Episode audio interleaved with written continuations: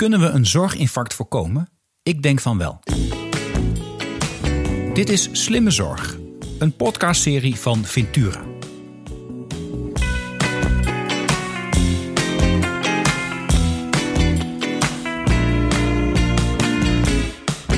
Mijn naam is Arno Rutte. Mijn gast van vandaag is Alex Friedrich. Alex is arts-microbioloog en professor medische microbiologie en infectiepreventie aan de Rijksuniversiteit in Groningen. In het UMCG in Groningen staat hij aan het hoofd van de afdeling medische microbiologie en infectiebeheersing. Sinds april 2020 neemt hij op uitnodiging als expert deel aan de vergaderingen van het Outbreak Management Team. Welkom eh, Alex bij, eh, bij de Slimme Zorg podcast. Het is wel een eer om jou in deze uitzending te hebben. En voor jou ook de vraag die ik eigenlijk altijd stel. Wat is volgens jou slimme zorg? Ja, slimme zorg is volgens mij zorg die ehm, niet alleen de patiënt centraal stelt, ehm, maar ook voor kijkt, gebruiken we eigenlijk alles wat we hebben om ehm, gezondheid te koesteren, dat mensen niet ergens, niet ziek worden.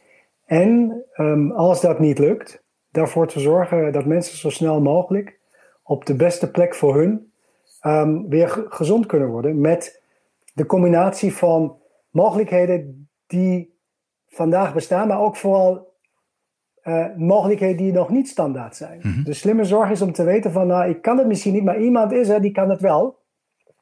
En dat, daar moet de patiënt toegang tot krijgen. Um, uh, en op een manier dat wij het kunnen doen dat het duurzaam georganiseerd is. Dus eigenlijk uh, heeft dat, als je het zegt, betekent dan ja, preventie. Mhm. Um, het betekent regionaal en het betekent zelfs grensoverstijgend um, in een regio zoals wij hier zijn, waar je soms zorg gewoon ja, 360 graden moet bekijken. En dan gaat het voor mij uh, van Leeuwarden tot met Bremen. Mm uh, en dat is de Europese regio waarin wij, waar de patiënten zorg kunnen krijgen.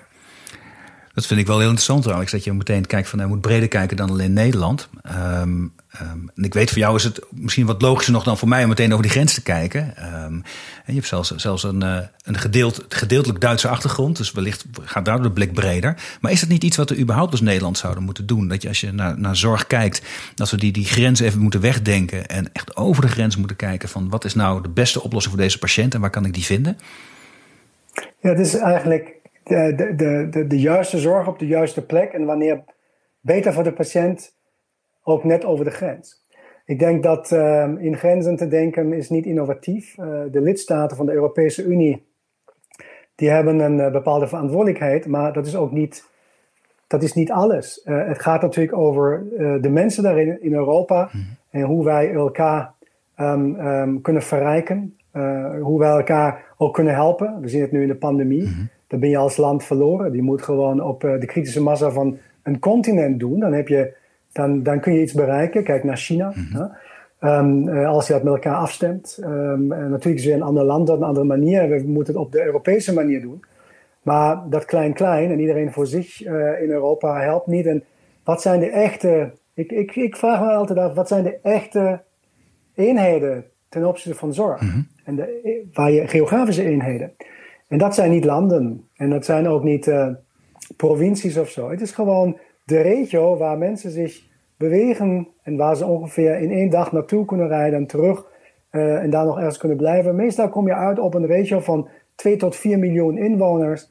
Um, en daar heb je. Um, uh, en en da daarin organiseer je zorg in de eerste, tweede, derde, vierde lijn, mm -hmm. toekomst. Dus, um, en dan, dan zijn er landsgrenzen um, oude wereld. Dus, uh, dat, het begint ergens in Lissabon en het eindigt in Riga. En uh, dat, is, daar, is, daar is onze, daar, dat is onze um, uh, epidemiologische eenheid, zou je kunnen zeggen, nu ook in de pandemie. Mm -hmm. um, da, daarin moeten wij met elkaar optrekken als er een crisis is. En het is ook voor de zorg van patiënten. als iemand in Oldam woont of in Boende, mm -hmm. ja, dan kun je zeggen pech, hè? Je kunt maar 180 graden kijken. Ja. En wat aan de overkant is van de grens, is theoretisch bereikbaar, maar eigenlijk de facto niet. Omdat zorgverzekeraars en zo, die zijn dat alles niet gewend. Ja. En die gaan het ook uh, uh, alleen maar doen als het moeten uh, en faciliteren. Dus ik ben voor een 360 graden zorg. En dat betekent overal waar je staat in Europa. En ook bij al die grenzen die we hebben, ook sta je daar, heb je 360 graden. Mhm. En dan ontwikkelen, dan krijg je een nieuw kijk op de realiteit. Want er zijn heel veel hobbels te nemen. Mhm. Uh, maar die, zijn, die staan niet centraal. Maar dat de patiënt 360 graden zorg moet krijgen, staat centraal. Optimale zorg staat centraal. Dat het toevallig in een andere provincie is of toevallig in een andere lidstaat, dat, uh, dat mag in de toekomst eigenlijk geen rol meer spelen. Nee. Nee, maar ik vind het heel interessant. En ik denk wel, als je, als je dat binnen de, de Nederlandse grenzen bekijkt, dan kan dat redelijk drempelloos. Hoewel mensen niet altijd graag willen reizen. Een patiënt uit Groningen gaat liever niet naar Rotterdam. Maar als het nodig is voor de hoogspecialistische zorg, dan kan dat. En dan is er ook geen, geen belemmering om die zorg ook in Rotterdam te kunnen krijgen. Maar als diezelfde Groningse uh, patiënt naar Oldenburg wil, dan wordt het spannend. Hè? Want dat hebben we niet met elkaar niet geregeld. Ik ben zelf opgegroeid in Haaksbergen. Dat ligt echt strak aan de grens in Twente. Twee kilometer van de Duitse grens af. Um, met ook ziekenhuizen op, op zeer bereisbare afstand. In Ahaus, um, om, eens wat te noemen. Ja, daar, kun je, daar ging je niet zomaar naartoe. De zorgoriëntatie ligt toch echt uh, dan uh, richting het westen, richting Nederland. Hoe krijg je dat nou voor elkaar? Dat we die, dat we die, dat we die grenzen een beetje slechten... daar waar dat voor de patiënt het beste zou zijn. Zie je daar, zie je daar mogelijkheden? Nou, je moet het eerst maar um, de, de, de, het bewustzijn daarvoor creëren. Dat wij niet alleen een Europese Unie hebben voor de markt uh, en voor reizen. Maar dat we eigenlijk ja, het idee van, uh, uh, van de European Union of Health. Um, waarin je definieert van de, de, de zorgcontinent, mm -hmm. Europa. Waarin wij um, als burgers van deze continent, van de Europese Unie tenminste, overal zorg uh, mogen krijgen en overal zorg uh, um, uh, kunnen ontvangen en kunnen opzoeken. Um, omdat, wij, omdat de grenzen, ja, die bestaan eigenlijk heel lang niet meer. En er zijn ook voldoende directieven en, en, en richtlijnen die dat al jarenlang zeggen. Ja, je hebt er recht op, hè? Als, jij als je als Nederlander in een Duits ziekenhuis meldt, dan, dan heb je recht op vergoeding van de zorg, hè? Ja, ja, dat is gewoon. Het is zo, maar het is niet zo dat als ik dan bij de zorgverzekeraar aanroep, bel. Mm -hmm. En dan zeggen, nou, ik wil, naar, ik wil naar, naar, naar Duitsland of ik wil naar, naar een ander land Mhm. om, uh, om uh, zorg te krijgen. Dat dan iemand zit en dan, die dan antwoordt van, oh meneer, vanzelfsprekend. Uh, we gaan alles doen om te faciliteren dat u over de grens komt. En maakt u zich geen zorgen, we gaan dat zo regelen. Mhm. Dat is niet zo. En um, ook, ook is dat eigenlijk mijn recht, kan het niet. En ik krijg eerst maar vragen te horen en uiteindelijk impliciet um, wordt mij, en de mensen, ik heb met heel veel mensen gesproken die, dat, die die weg zijn gegaan. Je krijgt eigenlijk te horen van waarom wilt u dat? Het is toch, we hebben nog een mogelijkheid in Maastricht, dan kunt u er ook naartoe. Ja, ja Maastricht is vier uur, maar uh, in uh, Leer zijn twee ziekenhuizen met uh, 300 en 450 bedden. Mhm. Um, daar, dat is een half uur van hier. Um, ik wil daar naartoe. Ze, nee, maar het blijft maar liever in het eigen systeem. Ja. En ik snap dat dat de toekomst zit ook in Europese zorgverzekeraar. Dus ik denk dat uh, de zorgverzekeraar vandaag in Duitsland of in België of in Italië of in, in, uh, in, Nederland, die kan ook niet anders denken dan tot, tot met de grens. Nee. Tot op een bepaald moment er zorgverzekeraar-concernen gaan komen die op Europees niveau gaan opereren. En dan kun je gewoon zeggen, als u bij ons bent verzekerd, dan heeft u ook recht om in die en die en die landen te gaan. Mm -hmm.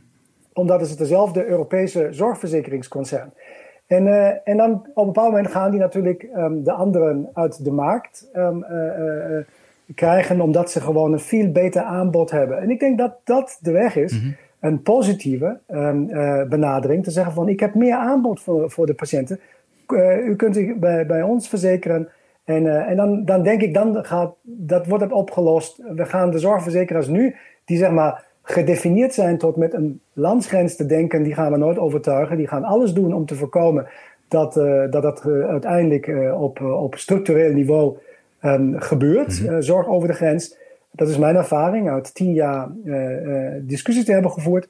Ze kunnen het niet echt voorkomen. Als je het wil, dan krijg je het ook. Precies. Maar je, je moet het als patiënt wil je toch bij de hand worden genomen en geholpen worden ook. Ja. Zelfs voor als het over de grens gaat, waar nog andere taal is, als ingewikkeld als dan nog iemand komt en wat onzekerheid strooit van ja, we weten niet of het helemaal wordt betaald, ja, dan, dan werkt het gewoon. Nee. En dan moeten wij, en dat is de, de fact of life. Uh, en, en, ik vind dat een leuke uitdaging. En uh, uh, ik denk dat um, grenzen ehm, zijn niet innovatief.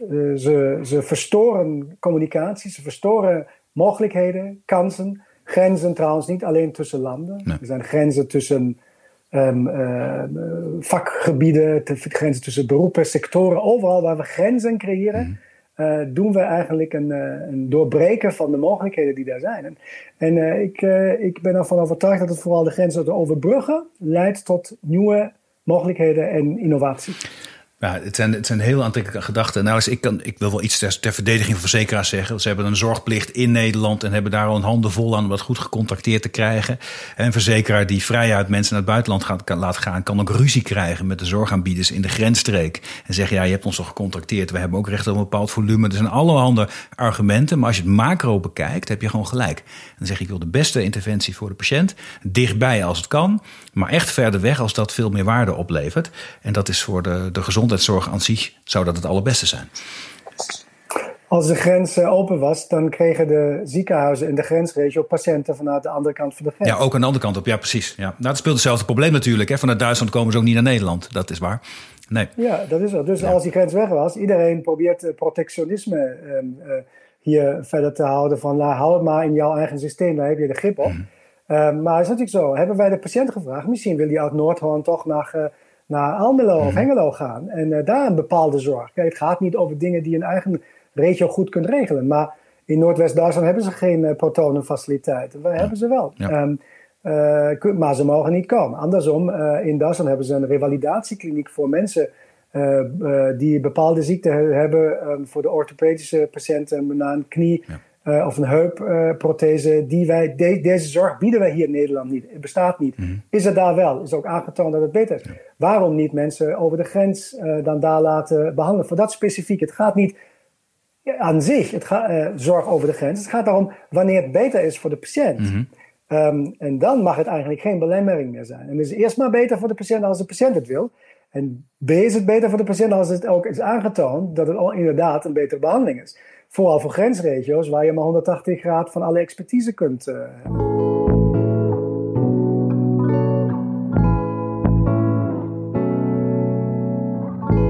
Jij bent uh, vooral specialist op het gebied van infectieziekten.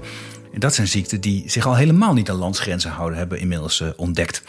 Die, we hebben nog wel eens een neiging om besmettelijk te zijn en over de grenzen heen te gaan.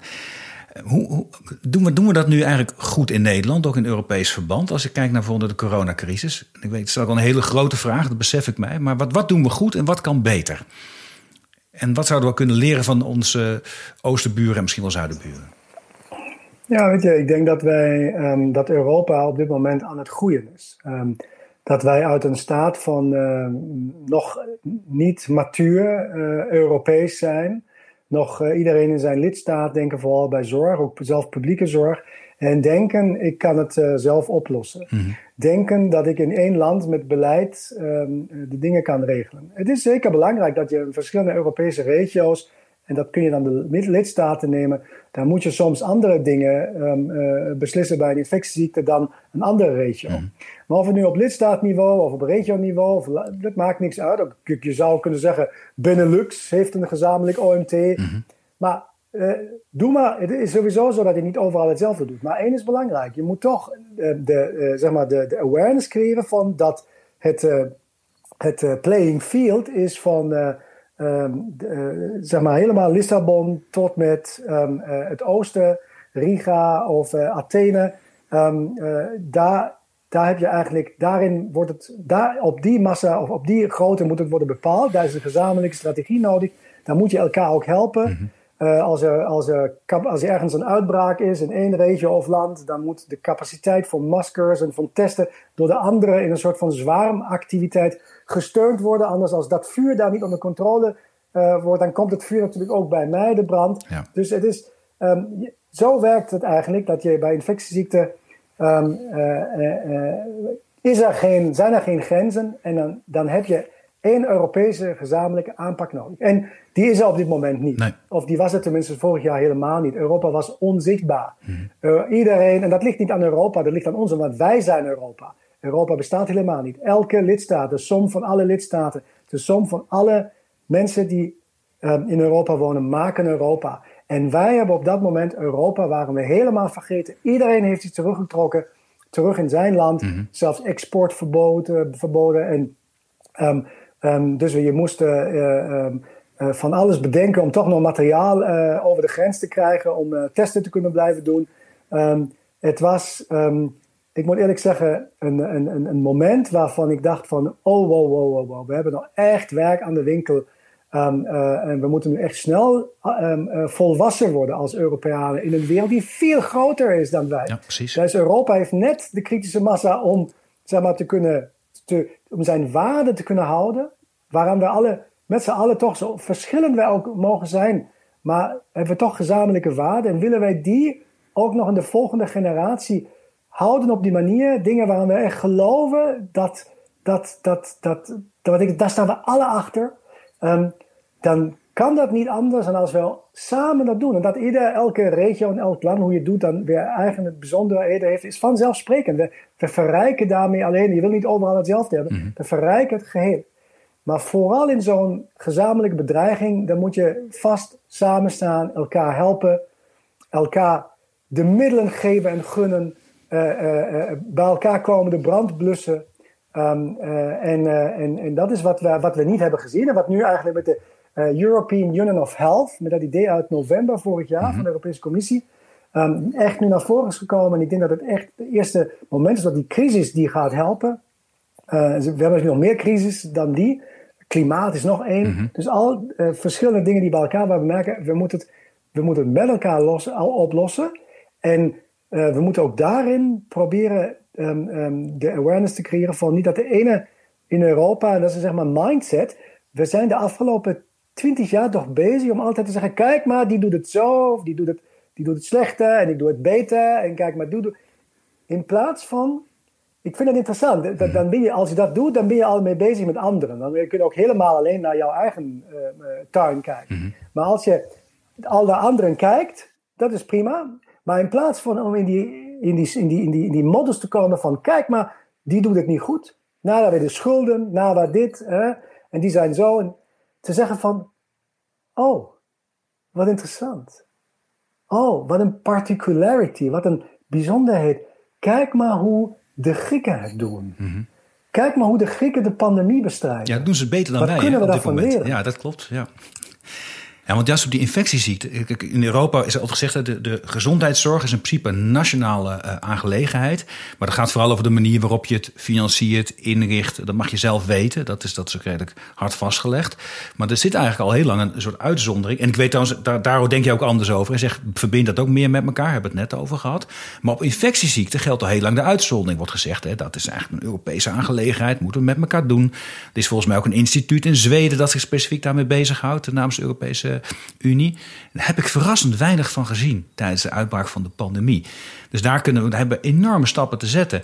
En ik vind het ook, ook, ook opvallend dat we hier in Nederland pal naast Duitsland uh, uh, zitten, waar op een of andere manier die pandemie veel beter onder controle gehouden wordt dan in ons land. Zijn wij dan zo enorm anders dan Duitsland dat we het echt anders hadden moeten doen? Um, of willen we niet leren van het succes van Duitsland? Wat zit daar nou tussen? We kunnen zien dat het daar beter gaat. Het is een land dat zo dicht bij ons staat, dat cultureel ook wel heel erg op ons lijkt. En toch zijn de verschillen heel groot. Hoe overbruggen we dat? Ja, nou, het is ja, het ECDC in Stockholm, hè, waarop je, mm -hmm. je refereert, die, die mogen natuurlijk maar doen wat, uh, wat, wat, wat hun mandaat is. En uh, daar zien wij mm -hmm. dat wij gewoon veel te weinig mandaat hebben gegeven aan de lidstaten. Hebben het maar lekker bij zichzelf gehouden uh, de ja. afgelopen 15 jaar. En zeggen nee, we willen daar niet te veel mandaat naar Europese organisaties geven. Ik denk dat dat inderdaad uh, veranderen, moet veranderen. Het, het RIWM, het Robert Koch Instituut, uh, volgens mij moeten dat uh, netwerkinstituten worden die voor een gedeelte um, worden aangestuurd vanuit het ECDC. Um, en dan zou je kunnen zeggen, wat er nu is, blijft. En er komt nog maar een overhead van 30% medewerkers bij die vanuit de Europese, de ECDC zijn gefinancierd. En die overal een netwerk in alle RIWM's van Europa hebben en dan de linking pin zijn en uh, dan ook uh, uh, van één organisatie naar de andere gaan en daarmee een netwerk creëren, um, kan niet meer. Dus het is, het is systeemrelevant dat we um, stoppen met um, te denken, we kunnen het vanuit ons eigen land helemaal organiseren. Dat kan niet, ja. omdat de, je kunt gewoon geen beslissing nemen bij infectieziekten niet op individueel niveau en niet op landsniveau, uh, zonder dat het meteen invloed heeft op jouw buren of op jouw buurlanden. Um, dus uh, dat is het ene. Waarom kunnen wij uh, niet leren? Ja, we leren, we leren wel. Omdat je ziet hoe de aanpak nu is en hoe de aanpak een jaar geleden was, dan is dat toch sterk veranderd. Kijk, we zitten nu mhm. in het dalen van de tweede golf van de eerste variant en de beginfase van de eerste golf van de nieuwe variant. Uh, En uh, nu grijpen we nu, we grijpen, viele mensen vragen zich af van, ja, maar waarom uh, zijn we nu met harde maatregelen nog? Het is nog aan het dalen? Nee, wij zitten nu eigenlijk ten opzichte van de, de nieuwe variant, de, zitten wij um, zoals vorig jaar medio februari. Maar vorig jaar medio februari, dat was de helft van het land aan het bagatelliseren. En de andere helft van het land die was aan het kijken, moeten we niet toch meer? Oh, en, en dat doen we nu niet meer. Dus we hebben wel geleerd als, als land en maatschappij. En Duitsland heeft gewoon, dat is zo, vorig jaar altijd die containmentstrategie doorgetrokken. Omdat ze al een wet hadden van 2001 waarin stond, je moet dat doen. Dus ze moesten gewoon op een knopje drukken. En dan waren alle wetten al geschreven, alles was er.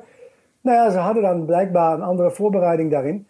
Misschien omdat in Duitsland alles wat uh, langer duurt totdat het verandert zijn de wetten uit de jaren 80 of 70 die daar waren, uh, nooit echt zo veranderd en aangepast. En wij hebben hm. die wetten uit de jaren, uit de pokkentijd, gewoon die daar waren, die zijn heel snel veranderd. En we hebben het niet meer zo serieus genomen hier. Nou, er gaat niets gebeuren. En, en, uh, en er was er eigenlijk ja, was geen aandacht voor infectieziekte, infectieziektebestrijding.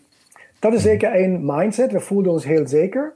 Anders ook in Italië. Italianen hebben het heel snel goed gedaan omdat ze gewoon heel goed zijn in crisisaanpak. Een land wat uh, alle paar jaren enorme um, uh, aardbevingen heeft en rampen moet bestrijden, kan gewoon met rampen omgaan. Um, nou, de laatste mhm. grote ramp en overstroming in Nederland is ook weer heel lang terug. Ik denk dat er niemand meer is die het echt kan.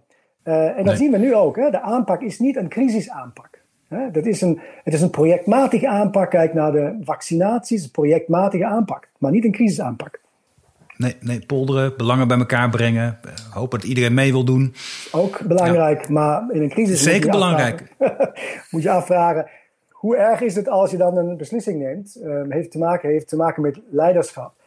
Um, mm. En waarom we niet kunnen leren van Duitsland? Ja, ik denk dat je, je kunt alleen maar leren uh, op een manier zoals je het altijd doet. En dan moet je je afvragen, leren wij, hoe ver leren wij überhaupt van andere landen? En, uh, en, en, en dat is exact um, hoe goed we het nu kunnen. Uh, en dan moet, je, moet je toch constateren dat wij vooral in heel veel dingen naar onszelf kijken. Of we kijken naar landen zoals Engeland, we kijken naar landen zoals um, ja, Scandinavië. Dat zijn we ook gewend. We, we, we zijn nog eerder bereid om te kijken naar hoe het in Denemarken loopt. Maar we zijn nu niet zo experts in te weten hoe het in Baden-Württemberg is. Dat, dat, dat doen we niet maar als je, dan, als je van Duitsland wil leren, dan moet je van al die um, zeg maar, lidstaten van Duitsland of Bundesländer, moet je dan leren en moet je daarvoor, ja, moet, moet je ook de, de, de, de, de zicht daarop hebben. En dat hebben we gewoon niet. We zien Duitsland als een groot land in het oosten, maar dat is het natuurlijk niet. Het zijn 16 landen en elk land heeft 100% verantwoordelijkheid voor zorg. Um, Dus de maatregelen worden daarom ook uh, altijd moeten worden afgestemd. Um, op een regionaal niveau. En de regio's die kunnen 17 miljoen inwoners hebben en ze kunnen 1 miljoen inwoners hebben, of zelfs kleiner met Bremen. Um, mm-hmm. Maar uiteindelijk uh, stopt het daar niet, omdat ook weer in een bundesland zoals Noord-Rijn-Westfalen, daar zijn um, uh, ruim 50 kruisen. En elk kruis uh, heeft weer een ambtsarts en die kan weer samen met zijn landraad um, onafhankelijke maatregelen nemen. Dus er, waren, er zijn lockdowns en scholen die dichtgaan op kruisniveau of meerdere kruisen. En dat is bijvoorbeeld waar we in Nederland heel veel moeite mee hebben. Um, um, uh, neem, uh, neem de discussie over, ja dat kan niet dat je dan ergens een regionale maatregel neemt. Dan zou er zoiets bestaan als een waterbedeffect. Waterbedeffect, ja. ja. Dan komt iedereen die, naar die regio waar die maatregelen anders zijn, of niet. Ja. En, ik heb, en ik heb daar maar gevraagd, en we zijn, ik heb in zes landen gevraagd, we zijn het enige land die, die geloven dat dat waterbedeffect bestaat. In, in andere landen blijkbaar niet. En toen ik dan een keer in, in Bayern heb gevraagd van ja, maar waarom doen jullie dat in, in, in Berchtesgaden? Alles dicht en dan gaan de mensen niet naar anders naartoe. Waterbed-effect. Mm En toen zeiden ze, water, wat, wat heb je over? Ze ja, bij ons in Nederland zeggen we dan is een waterbed. Zei, ja, maar jullie denken altijd aan water. Dat was het antwoord. Um, uh, ja, maar met, met, een glimlach en een oogknip. Maar misschien, misschien is dat zo. We, we zijn van overtuigd van iets en dan dan, dan merk ik dat in discussie wijken we niet van af omdat we iets als vanzelfsprekend aannemen, wat misschien helemaal niet vanzelfsprekend is. Nee, en dan krijg je een soort one-size-fits-none aanpak. En dan krijg je dus een aanpak voor alles en iedereen, waardoor je, waardoor je de, de, de regionale nuances of misschien wel de lokale nuances verliest. En het is gevaarlijk, omdat kijk, in augustus begon de Tweede Golf. En die begon in uh, Rotterdam, dan Amsterdam, dan Den Haag. En uh, met 1 september uh, kwam het in alle studentensteden met de opening van ja, de Ik zag het in mijn eigen stad Groningen ook, en daar woon jij ook. Ja. In één keer was hier, er was de hele tijd nergens corona hier in door Nederland. Ja. En in één keer piekte het vanuit dus, Groningen. Ja. Als je nu altijd um, Goes uh, plus Winschoten gedeeld door 2 doet, dan, en je hebt in het westen en het zuiden heel veel problemen, in het noorden niet of andersom, totdat je merkt dat het gemiddelde een probleem is, ben je al aan de late kant. Zou je regionale R-waardes, regionale modelleringen doen, zo op landsdeelniveau, niet op provincieniveau, landsdeel, Noord, Oost, Zuid, West, heb je mm-hmm. kritische massa genoeg om iets te zien, maar dan had je het aan kunnen zien en dan, dan had je bijvoorbeeld, nou ja, dan kun je regionale maatregelen nemen, dan kan de rest van het land um, uh, uh, nog wat normaler door. Maar het is ook een leermoment. Ik denk dat als je dat wilt leren van een ander land zoals Duitsland of Italië vooral, die doen het nog beter dan de Duitsers, Um, mm-hmm. dan, moet je, dan moet je vooral uh, leren van in de regio zit de kracht. En dat je het met elkaar afstemt, dat alle regio's bij elkaar maken het land, is logisch. Mm-hmm. Alle landen bij elkaar maken Europa.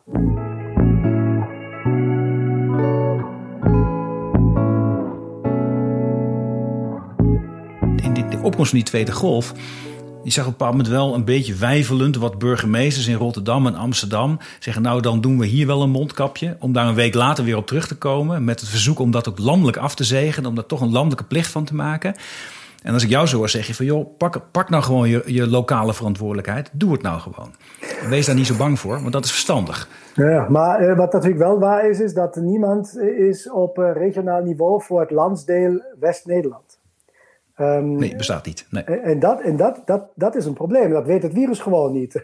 maar uh, daar, daar hebben, heeft het virus een voordeel ten opzichte van onze bestuurlijke organisatie. Um, je, je, maar dat rotvirus ook, ja. ja. Wat zeg je?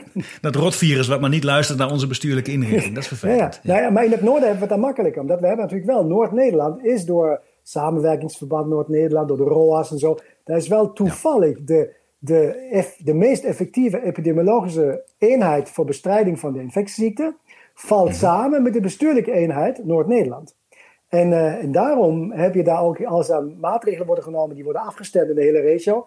Uh, neem maar vorig jaar testen van zorgmedewerkers, wat ook echt overal mhm. in de regio dan gebeurde, of bijna overal. Of uh, ga niet buiten de, de regio als zorgmedewerker. Nou, dit soort van dingen, dat heb je op collectief niveau ben je veel krachtiger als dan uh, als, als zeg maar een enkele stad probeert in een straat uh, een maatregel te nemen. Je had de, kritische massa moet altijd zeg maar niet daar waar het probleem is, maar om het probleem heen kun je dan de hele regio die moet eigenlijk al maatregelen nemen en daarmee voorkom je dat zich gaat verspreiden. Maar dat had dat, dat maar ik, ik snap ook de burgemeesters die hadden zich alle samen moeten doen en dan zeggen we gaan Um, uh, in, West, ja, in het Westen gaan we gewoon in een lockdown. Voor drie weken full lockdown zoals we nu hebben. Alleen maar het Westen. Um, de, mhm. de, mobiliteit van het Westen naar de rest van het land wordt beperkt. Zoals in Italië of in Griekenland. En, uh, en dan gaan we na drie weken weer open. Uh, en de rest die had daar minder last van. En zo kan het ook andersom. Als in Maastricht of in Groningen iets uit de hand loopt, dan kun je het ook zo doen. Um, alleen niemand wil dat slecht nieuws vertellen, omdat goed nieuws wil iedereen vertellen, zeggen we kunnen versoepelen. Maar maatregelen aantrekken, daar wil niemand voor verantwoordelijk zijn. En dan wordt die hè, hete aardappel, die wordt gewoon doorgeschoven van de ene naar de andere. Ja. ja, en dat is lastig, terwijl je juist die moedigheid wel zou moeten hebben. En dan kun je ook tijdig ingrijpen en dan duurt het ook korter. Hè? Dat, dat, dat leren we, zou je zeggen, wel inmiddels wel met elkaar. Ja, hit hard and early is. Hè? is het principe. Ja. Hit hard and early. Nu hebben we het hele land weer uh, uh, geraakt. Wat wellicht ook moet, hè, met, uh, met, met het feit dat er misschien weer een, een, een nieuwe golf aankomt met, met nieuwe varianten. En tegelijkertijd voel je, voel je ook wat ongemak. Want ook nu als je kijkt op de, de coronaspreidingskaart in Nederland... dan zie je toch echt wel grote regionale verschillen alweer ontstaan. plekken waar het virus toch langzaam het uitdoven is... en je echt nog moet zoeken. En plekken waar het nog heel hard, heel hard toeslaat. Maar goed, um, op dit moment de maatregelen ter discussie stellen en, en, en, en regionaal versoepelen lijkt me niet verstandig. Laten we eerst maar eens kijken of we deze nieuwe golf kunnen voorkomen. Hè? Nee. je kunt regionaal aantrekken op het moment dat je, van, dat je heel laag bent. Dus dat is de manier. Mhm. Maar regionaal versoepelen is geen goed idee. Dus eh, je moet eigenlijk nu weer, dus nu moet weer de hamer komen. Dan, dan, dan drukken we het naar beneden. En op een moment zijn we daar. En dan kun je. Kijk, wat nu eigenlijk gaat gebeuren is. eh, het doel is nu. Ehm, eh, de, de, de, de, de variant zo af te remmen. dat ze in, de beginfase van mei. ehm, eh, de R-waarde onder de 1 zit. En dan gaat de, de, de zomereffect, die ongeveer 15, 20 procent een reductie van de R-waarde kan eh, eh, doen, die gaat dan echt eh, zichtbaar worden, zoals vorig jaar, tenminste maar in Noord-Nederland en voor een groot gedeelte ook de rest van het land. En dan komen in de zomer al die vaccinaties, vooral bij mensen ook die dan eh, makkelijker kunnen worden opgenomen, ernstig ziek kunnen worden. En dan, dan zi- ziet er volgende september, als de R weer in de, in de, in de maand komt en weer respiratoire infecties toeneemt, ja, die gaat er anders uitzien dan eh, de vorige september, oktober. Dus dan gaat het niet meer zo massaal, zo snel eh, ehm, eh, zeg maar, instroom in ziekenhuizen zien. En dan wordt de volgende winter, hangt dan ervan af of die ene Braziliaanse variant of de Zuid-Afrikaanse of een andere variant dan de nieuwe coronavirusvariant van de volgende winter wordt. En wij dan over de zomer weer nieuwe vaccinaties gaan eh, maken. En dan wordt het een soort van, zoals bij de griep, eh, alleen met het verschil dat in de volgende winter eh, duidelijk minder mensen die vaccinatie moeten krijgen om ervoor te zorgen dat niet zoveel mensen worden opgenomen in het ziekenhuis door allerlei Dan kom je bij risicogroepen uit. Ja, ja. Net als, ja, bij, net als bij de griep. Ja, dus, Ja, ja. we komen, dus, dus wat dat betreft echt wel licht aan het eind van de tunnel. Hè? Dat is, Alleen het duurt veel langer dan we hadden gehoopt. Alleen moet het doel zijn nu de R-waarde onder de 1 te houden tot mei. Als het niet gaat lukken, stel dat die R-waarde van de Britse variant 1,6 is of 2 in mei, dan komt geen zomer. Dan gaat het gewoon door, zoals het ook in Texas door is gegaan en zoals het in andere eh, streken waar het warm is in zomer door is gegaan. Omdat 20% is gewoon 20%. Je kunt niet van een R-waarde van 1,5 eh, hopen dat met de zomer het even weg is. Dat blijft gewoon doorgaan. hè, dan.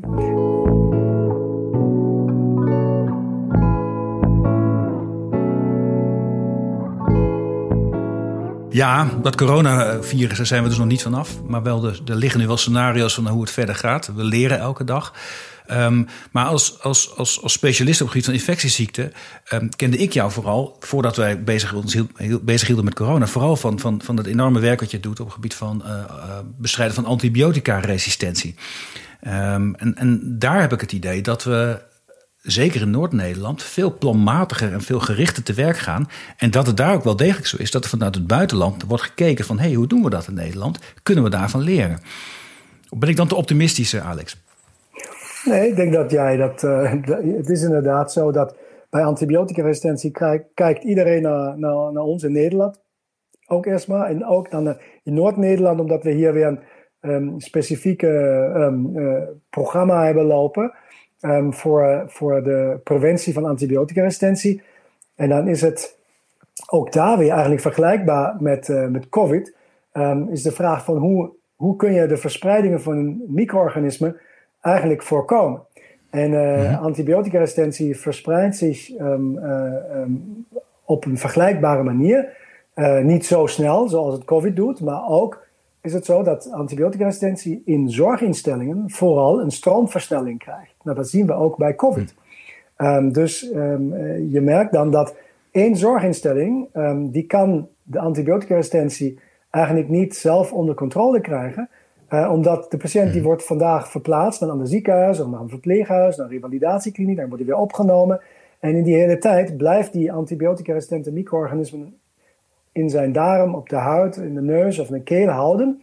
En, uh, en, en hoe vaker iemand door het zorgnetwerk gaat en, en, en daar uh, zorg opzoekt, elke keer dat diegene wordt opgenomen in een instelling, um, verpleeghuis, VVT, maar vooral ook ziekenhuis.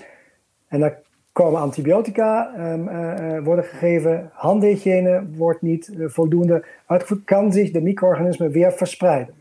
En, uh, mm-hmm. en, dat, en om, dat te, om dat te voorkomen heb je eigenlijk, moet je, moet je, moet je loslaten te denken, um, een, een, een, zorginstelling bestaat aan zich. Ja, er bestaat natuurlijk, als we daar naar kijken, maar epidemiologisch niet.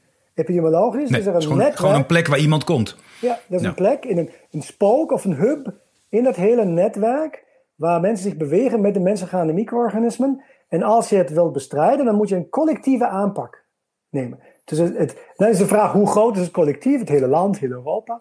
Nee, ehm, dat hoeft niet. Uh, het is, maar het ziekenhuis is zeker te klein. Ehm, provincies zijn te klein.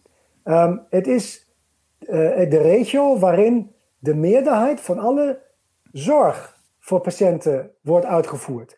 En dat kun je berekenen. Dat hebben we gedaan. We hebben zeg maar, alle bewegingen van mensen tussen ziekenhuizen en ook andere zorginstellingen hebben we bij elkaar genomen. We hebben berekend en kun je clusters vormen. Zorgclusters of zorgregio's. En dat is bijvoorbeeld eigenlijk ja, Noord-Nederland met zelfs nog een gedeelte van uh, Overijssel, um, uh, Twente. Dus dat is onze, onze, onze genuïne, natuurlijke, organisch gegroeide zorgregio. Waarin mensen mhm. beslissen, hierin zoek ik zorg op. Um, en, en daarin moet je ook, daarin moeten alle players die daar zijn, moeten met elkaar um, afstemmen, uh, gezamenlijke maatregelen nemen. Als één iemand of een paar in dat netwerk zeggen van ik doe iets heel anders, dan heeft dat hele netwerk daar een probleem. Ja. Dat is collectieve preventie. Dat is, um, het is zoals met de maskers. Je kun je ook niet zeggen, ga ik niet doen. Eh, kun je zeggen, maar je beslist niet voor jezelf. Je beslist voor de anderen mee. Uh, en, en, en, preventie werkt niet individueel. Het is zoals of je zou zeggen, um, ja, zoals 200 jaar terug of 300 jaar terug, uh, iedereen die aan de dijk woont, die onderhoudt de dijk. Ja, dat gaat niet werken. Uh, iedereen krijgt een meter dijk en mag die onderhouden. Dan gaan we alle onder water staan. Ergens gaat toch iemand zeggen, ik ga het niet doen omdat ja, altijd gebeurt ook vroeger. Hè? Onze eigen provincie Groningen is op die manier uh, aan een zondvloed ten onder gegaan ooit. En dan was het uh, onderhoud van de dijken in particulier beheer. Dan waren kerken en uh, lokale boeren die deden dat. Ja, en in een minder jaar gebeurde dat niet. En daar ging de hele provincie. En toen is dat een collectieve, collectieve taak geworden inderdaad. Dat zou met infectiebestrijding precies hetzelfde moeten aan. Ja, infectiepreventie werkt alleen maar als je op het juiste geografische schaal collectiviteit toont. Mhm. en, uh, en, en, dat betekent niet alle doen hetzelfde. Dat betekent met elkaar doen we de juiste dingen op het juiste moment. In, deze, in dit collectief. Maar we voelen voor elkaar verantwoordelijkheid. Bijvoorbeeld in de beginfase toen ik daarmee was begonnen. Om dat, te, dat idee te, um, uh, zeg maar in de harten van de mensen te krijgen. Um, toen was het soort van, oh, er is een uitbraak. Wij hebben een uitbraak. Of uh, zij hebben in Twente een uitbraak. Of zij mhm. hebben in ja, gauw de poorten dicht. De poorten dicht, gauw daar houden. Dat idee dan. Ja. En, uh, en inmiddels is het zo, als we in de gesprekken zijn, dan zeggen ze: Wij hebben een uitbraak. En dan vraag ik: Waar mhm. dan? Ja, in Twente. Oh, mm yes. Wij in Twente. Mm Ook in Groningen zeggen we voor Twente wij. Ook in Leeuwarden zeggen we voor Groningen wij. Omdat het is onze regio die wij uh, beschermen, is de hele regio. En dan zijn we voor de hele regio met elkaar verantwoordelijk. En zo, dan werkt het. Uh, en dan kun je zeggen van ja, maar als je dat doet, dan doe je zo'n collectief en dan is er zo'n soort van uh, enorme uh, blok die dan alles kan bepalen. En dan, maar waar is dan dat competitie-element wat innovatie mogelijk maakt en zo? Nou, en dan zeg je, no problem. Hm. De regio's zijn met elkaar in sportieve competitie. Regio Noord met, is met regio Midden en regio West in competitie ten opzichte van betere zorg, duurzamere zorg, eh, betaalbare zorg, betere kwaliteit, minder infarcten, minder infecties. Laat maar, we, we gaan daarvoor proberen sportief als regio net een tikje beter dan onze. En misschien worden we weer ingehaald. Nou, dat is mooi. Dat is gezonde competitie. Maar um, de competitie die we nu hebben, dat ziekenhuis A, dus mijn rechterhand, en ziekenhuis B, dus mijn linkerhand, in eenzelfde regio, met elkaar in strijd zijn, competitie, elkaar de appel uit de, uit de hand trekken. Als dat continu gebeurt, dan ga ik uh, uiteindelijk uh, honger lijden, omdat de handen, dat kan niet. Dus nee. um, het, we horen in een zorgregio, is het rechter linkerhand kan niet in een gevecht zijn. Nou, dat, is, uh, dat moeten we loslaten. Dus mm marktwerking in de zorg, met de definitie van dat ziekenhuis in een regio, in een zorgregio, natuurlijke Ehm, be, be, uh, zeg maar, uh, economische eenheden zijn die met elkaar of tegen elkaar, dat is oude wereld in mijn beleving. Mm -hmm. Slimme zorg is als je dat regionaal organiseert en als nodig zelfs met een paar ziekenhuizen over de grens om nog wat zorgaanbod te krijgen voor de mensen in de grensregio. Mhm. Ehm, en dat kan overlappend zijn van beide kanten. Dan ben je, dan ben je innovatief bezig. Uh, anders probeer je instrumenten uit andere sectoren te plaatsen in de zorg, uh, die toch anders, uh, andere wetgevingen of andere um, mechanismen en dynamieken kent.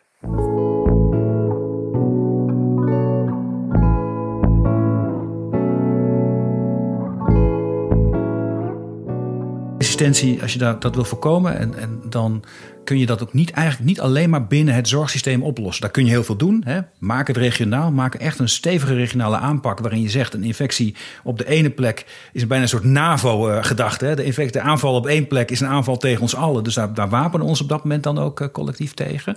Maar je moet veel breder kijken naar hoe organiseren we weerbaarheid tegen antibiotica. En dat heeft te maken met hoe je de maatschappij inricht, hoe je de zorg inricht en daar een nieuwe balans vinden. En dingen inefficiënt doen, daar zal niemand voor zijn. Maar als, je, maar als je te efficiënt doet, dan heb je dus ook risico's. En daarmee creëer je een omgeving waarin antibiotica-resistentie ook, ook heel efficiënt, razendsnel om zich heen kan grijpen. En dan gaat het mis. Ja, dat is wel interessant. Um, omdat um, de definitie van efficiëntie is afhankelijk van cultuur, heb ik geleerd. Hm. Um, omdat, wat is een efficiënte bos? Als je maar één boom hebt? Nee. Je hebt nee, dat is dan is het ook geen bos meer. Nee, nee, nee. Zelfs geen bosje. maar, maar dan is het, kun je zeggen, waarom heb je zoveel bomen? Mm Dat is toch redundant? Mm je hebt maar één nodig. En dan, nee, je hebt meerdere. Je hebt redundantie nodig om leven te, uh, te kunnen blijven uh, genereren. En daar, daar moet een netwerk ontstaan, eigenlijk een web of life. En, en dat lijkt, zo'n zo'n bos lijkt misschien niet efficiënt, maar is resilient, is inderdaad ja. duurzaam. Ja. Nou, de efficiëntie zit in de duurzaamheid. Dus het is misschien zo dat we meer ziekenhuizen nodig hebben.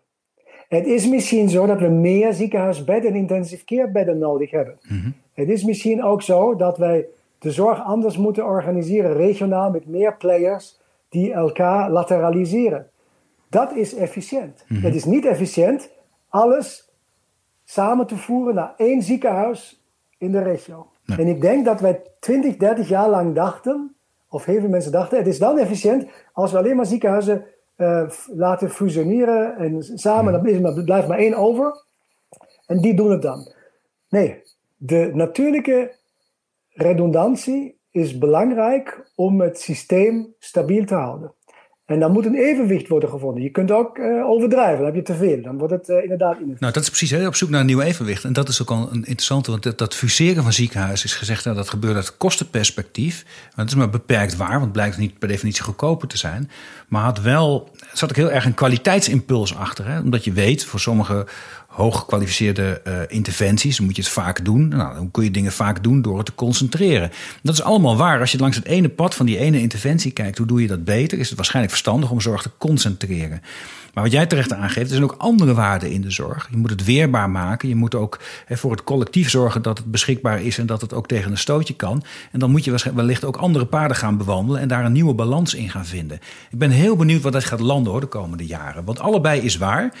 Je wil ook niet dat het weer zo versnippert dat je, uh, wat we bijvoorbeeld zagen bij, bij, de, bij, bij urologische ingrepen voor, rondom prostaatkanker, dat daar de sterfte in Nederland veel hoger was dan wanneer je naar de Martini Kliniek in Hamburg ging, waar een, waar een chirurg dat veel vaker deed. Dus dan zeg je, nou, specialisme is goed.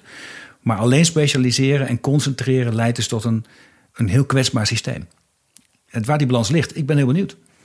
Dat, uh, dat als je iets vaker doet, dan ben je beter in. Dat is waar voor alle uh, beroepen en mm alle sectoren. En dat is natuurlijk juist. Uh, maar dan, gaan we, dan heb je het alleen maar dat geneeskunde een trucje is wat je moet kunnen. Dat is natuurlijk niet zo. Geneeskunde is, en de zorg is natuurlijk veel meer. Het gaat over de hele keten van zorg, over het hele leven. Mm -hmm. Dus um, dat, moet je, dat, dat moet je uiteindelijk in, met elkaar in evenwicht brengen. Je hebt en de specialisaties nodig. Dus je, ik ben het met je eens, bepaalde vakken, die moet je dan op één locatie concentreren. Maar dat betekent niet, of bepaalde dingen die dan worden, maar dat betekent niet dat de anderen niet ook belangrijk zijn. Mhm. Zoals als je zegt, ik heb in de, in, de, in de bos maar één boom nodig, die geeft mij de fruit en de rest heb ik niet nodig. Nee, dan gaat die boom waarschijnlijk, uh, die, die heeft alle anderen ook nodig, anders kan die niet uh, uh, doen wat hij moet doen. Neem maar een ander voorbeeld. Um, de, nou, in de jaren tachtig was er heel veel discussie ook um, over netwerktheorieën en, en, en, hoe je, wat is eigenlijk een optimaal netwerk? Mm daar is het begonnen. En ik heb me daar zeer in verdiept om te begrijpen van andere vakgebieden, omdat ik met netwerkpreventie aan de slag wilde. Wat kan ik van die leren die het al decadenlang doen? En dat was een interessante discussie in die jaren tachtig zo. Um, wat is eigenlijk als je, als, je een, als je een stad mag plannen? Is het dan beter een één stad van uh, eh, 1 miljoen inwoners te hebben of 10 steden van 100.000 inwoners? Mm -hmm. En uh, nou, de antwoord is niet het ene en niet het andere is waar. De vraag is, wat krijg je? Efficiënter ten opzichte van infrastructuur is de stad van 1 miljoen. Mm -hmm. Daar heb je alles in één netwerk. Als je 10 keer de in, een infrastructuur in totaal, dat kost meer. Dus als je in een systeem uh, bent waar infrastructuur bepaalde kosten moet veroorzaken, dan ga je automatisch naar een concentratie, naar een enorme superurbaan iets, omdat het andere is niet voordelig. Maar de nadelen zijn dat je misschien het goedkoper al die straten hebt, maar je staat continu in de file in die grote stad. Mhm. En in die kleine steden niet. En in die grote stad heb je meer criminaliteit dan in die kleine steden. Nou ja, je kunt je afvragen, oké, je koopt de, het efficiëntie van het ene met inefficiëntie voor het andere. Dus waren we in een wereld waarin geen criminaliteit of minder criminaliteit hebben en meer tijd en relaxer te zijn centraal stonden, dan was het logisch dat het efficiënter was tien steden te bouwen met 100.000 inwoners. Ja. Maar omdat dat systeem niet dat centraal stelt, maar het systeem zegt van infrastructuur betaalt iemand en die moet zo min mogelijk. En daarom kan het niet anders dan grote steden worden. Ik ben ervoor dat wij in principe maar echt over nadenken waarvan we denken dat het vanzelfsprekend is te vragen van is dat waar? Mhm. Is het waar wat wij denken dat vanzelfsprekend is? En ik moet zeggen, ik denk van niet. En wij, wij moeten echt nieuwe wegen um, bedenken in discussie gaan en vooral openstaan daarvoor. Anders, denken we, anders blijven we altijd denken wat we altijd hebben bedacht. Dat denk ik ook. En, en, en het paradigma verandert ook omdat de, de, samenstelling van de maatschappij gewoon snel aan het veranderen is. Veel sneller dan mensen zich beseffen. De komende twintig jaar vergrijzen we zo ontzettend snel. En dat doet echt iets met, met de populatie die zorg nodig heeft. Die heeft wel heel veel zorg nodig, maar ook voor op een andere manier, anders georganiseerd, anders gedistribueerd. Um, en los daarvan hebben infectieziekten ons ook geleerd helaas, dat weerbaarheid in je zorgsysteem dus enorm belangrijk is. Ik ben heel benieuwd waar die nieuwe balans uh, terechtkomt, uh, Alex. Ja, in de zorg is dat voorbeeld uiteindelijk ook zo. Dat je, dat je eigenlijk een hub en spook, zo, mm zo, zo is het. Je hebt een, een, een, een, een, een, een zeg maar een, een, knooppunt, en dat zijn de hubs, en dan heb je de spokes. En, uh, en dat, dat, dat vormt het regionale zorgorganisme. En, uh, en de, de, de zorg wordt lateraliseerd. Dus je, de, de patiënt, je krijgt niet meer overal in de regio alles, maar je krijgt alles in de regio.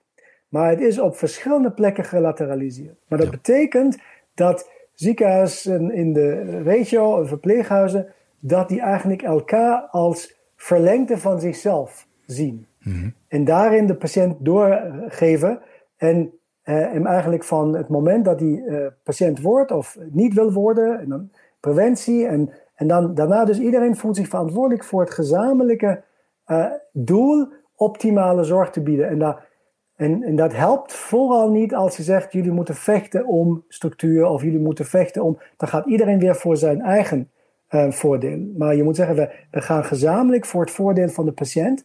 En dat is trouwens scalierbaar uh, op elk niveau. Binnen een organisatie, dat is in een groot ziekenhuis niet anders dan in een regio, dan in een land, dan in Europa. Dat is het interessante. De mechanismen zijn altijd dezelfde. Het begint met vertrouwen en de vraag van... kan ik mij zien als een mozaïeksteen in een mozaïek? Mm Dat vind ik een heel interessante gedachte, Alex. En ik zou daarmee eh, dit mooie, mooie gesprek willen afronden. En uh, food for thought voor alle luisteraars. Hoe kunnen we dat vormgeven? En uh, ik wil je heel erg bedanken. En uh, graag tot de volgende keer. Ja, hartelijk dank. Dit was Slimme Zorg, de podcast waarin nagedacht wordt over oplossingen waarmee een zorginfarct voorkomen kan worden. Een podcastserie van Ventura. Abonneer je op deze show via iTunes of Spotify en voel je vrij om een review achter te laten. Ik vind het zelf enorm leuk om te lezen wat jullie van de podcast vinden. Je mag me ook mailen op podcast.ventura.com. Vond je de podcast leuk? Dan heb ik een opdracht voor je. Vertel over de podcast aan een van je vrienden of collega's. Mijn naam is Arno Rutte. Dit was Slimme Zorg. Je hoort mij over twee weken weer in een nieuwe aflevering.